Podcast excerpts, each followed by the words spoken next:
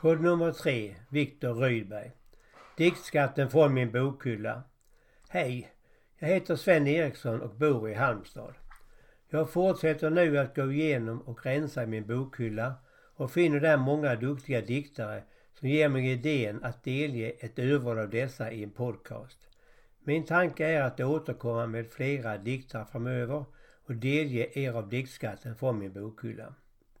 I detta avsnitt presenterar jag Viktor Rydberg och ett urval av hans dikter. Abraham Viktor Rydberg föddes 1828 i Jönköping. I tidig ålder förlorade han sin moder och fadern spårade ur och förlorade sin tjänst. Viktor Rydberg flyttade mellan olika hem och hade en svår barndom.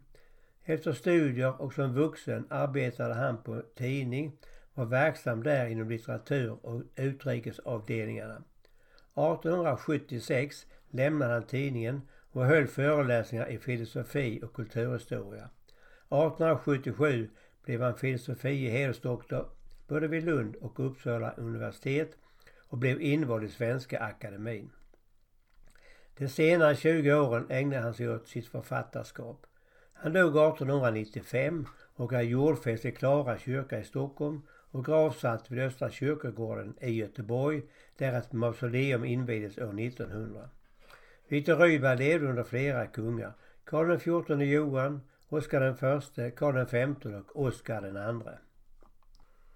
Han är väl känd för sin bok om Singoalla och som diktare med Tomten som vi hör varje jul. Ur hans år 1882 och 1891 utgivna skrift Dikter har jag valt några. Spillror Av livets morgondrömmar han byggde en vimplad slup att segla i glitterströmmar hän över det vida djup. Han byggde med ivrigt sinne till vågens solvig strand förtalte så många minne från fjärran underland. Och stunden sken från väster en hägrande sagoö och klang som från andefester en ton över blånad sjö. Så var han färdig att gunga på rytmiska vågors ban. Då såg han blixtar ljunga över land och ocean. Såg moln i söder och öster och hörde långt ifrån en stigande storm av röster och rasslande vapendån. Såg mörka fylkingar bana sin väg i åskors brak, att fälla en vacker fana, att trampa en ädel sak. Han gav som stunden bjödet, om än med sorgsen håg, sin lätta slut åt ödet, att driva vind för våg. Och gick till kamp som skälvde i bränningar dagen lång och än mot seger välde, om än mot undergång. Men nu sen sola bärgad vid havet igen han står. Hans strand är av stormen härjad, han själv har blödande sår. Det skymmer vid himlaranden och mörknande böljor går och lämnar kvar på sanden en spillra då och då. Av livets morgondrömmar, av krossad liten slup som skulle i glitterströmmar styrt ut över blåa djup. Nästa dikt heter Vattenplask. Invid palatsen lagunens vatten melodiskt skvalpar i sommarnatten. En solbränd gosse i sliten kappa behagligt vilar på dågens trappa och böljan viskar invid den lille som något hemligt hon säga ville. Se kungasonen, se gudars like, men skall han ärva sitt kungarike? Hur än vi vandrar kring världens länder, vid havets kuster, vid floders stränder. Vi anar furstar, där barn vi blicke, men vuxna kungar vi finna icke. Ny dikt Vi ses igen. Och vår så lyste vid österns bryn när riddarens son gick igenom byn. I dörren till hyddan där under lind stod liten flicka med rosig kind. Och gossen sade God morgon du och kysste henne i samma nu. Det vore morgnade båda nyss och frisk som morgonen var hans kyss. Långt skall jag färdas du lilla vän, men glöm mig icke, vi ses igen. Så sade gossen och log och gick. Hon glömde aldrig den kyss hon fick. Hon glömde aldrig hur skön han var, hur trofast lyste hans ögonpar. Hur käckt på böljande lockar satt hans fjädervajande junkerhatt. Hon växte upp och hon mindes än det ord av gossen vi ses igen.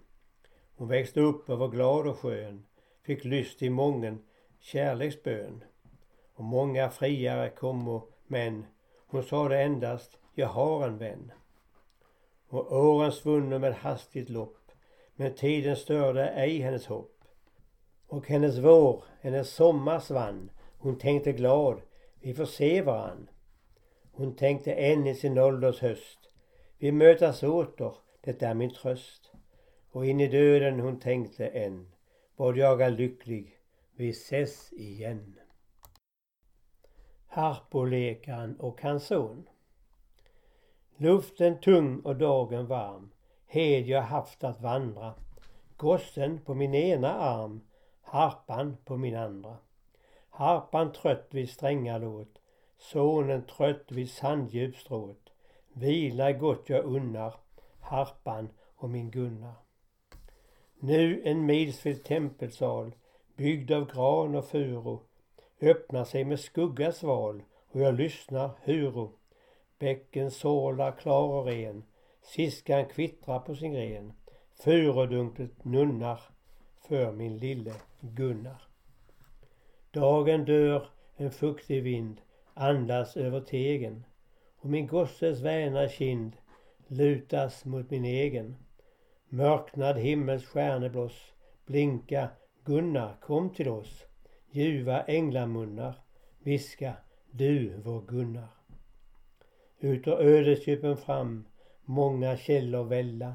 Ena bittert hälsosam, detta sorgens källa. Väl jag vet du käre vän att du dricka skall och den men för lastens brunnar Gud beskydde Gunnar. Granen växte stark och rak och hon vedergällde under snöbetungat tak den som henne fällde. Milt med brasans ljus och glöd, kraftig växt och ädel död, ber jag Gud förunnar sångarbarnet Gunnar. Betlehems stjärna. Den sjunges varje jul och den är tonsatt av Alice Tegnér. Gläns över sjö och strand, stjärna ur fjärran, du som i Österland tändes av Herran. Barnen och herdarna följa dig gärna, Betlehems stjärna.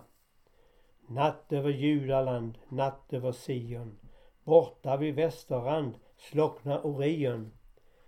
Herden som sover trött ute å fjället, barnet som slumrar sött inne i kället. Vaknar vid underbar korus av röster, skåda en härlig klar stjärna i öster. Gånga från lamm och hem, sökande eden, stjärnan från Betlehem visar dem leden. Fram genom hindrande jordiska fängsel, hän till det lindrande lustgårdens stängsel. Armarna sträckas dem, läpparna viska, viska och räckas dem, ljuva och friska. Stjärnan från Betlehem leder ej bort, men hem. Barnen och herdarna följa dig gärna, strålande stjärna. Fåfäng skönhetssträvan. Omätligt är ditt tålamod, natur. Omätligt som ett djup du öser ur. Skall dock till slut din hand ej vara trött att efterbilda här på tidens ö vad i idéernas värld ditt öga mött när allt vad skönt du bildar måste dö skall hon ej tveka denna hand en dag att över blommans kalk och barnets drag ett himmels skimmer strö då inom kort det skimret dör som aftonrodnad brott, bort det späde som du ängens fägring gav och se dem, moder, hunna till sin grav. Har än du skådat under dödens krans. På någon fåra pannas valv den glans den oskuldsglans du göt på henne, nej, på mannens ej, på kvinnans panna ej. Du alstrar oupphörlig knopp i knopp, som var och en ska bli ett vissnat dopp. Du väver jämt din vävnad rives upp och likväl stannar ej din skyttelslopp, att icke länge sen ditt modig svek och du förtvivlad ur din verkstad vek från denna evigt samma grymma lek. Sista dikten. Till Österland. Margit tänker vid sländan. Vad månde den längtan vara som rör sig i mitt sinn? Till Österland vill jag fara, till allra kärasten min. Och sker mig efter min vilja, då blir jag i Österland till Sarons fagaste lilja och får brytas av hans hand. Och sker mig efter min vilja, han fäster mig vid sitt bröst och intet får oss att skilja, jag varda hans ögon tröst. Som han bär genom sorger och fröjder i Kana vid Lasaros grav på Tavos bestrålade höjder på det galileiska hav. Där trygg medan vindarna ila över brusande böljors larm den vita blomstret får vila vid Davidssonens barm. Jag vill vara en druva som kärasten plockat har och njuter mellan ljuva och dejliga läppars par. Ett korn bland dem som mogna för nådehungrig jord och räckes åt de trogna i brödet vid altarbord. Jag längtar och väntar i fjärran hans uppenbarelse. Jag trängtar att vara med Herran till en enda varelse. I himmelslig kamen och ande med den skönaste i himlen till ett. Pris honom i alla lande som i hopp därom berätt. Detta var sista dikten och jag tackar dig som har lyssnat. Nya avsnitt kommer av andra författare och jag hoppas du vill lyssna då.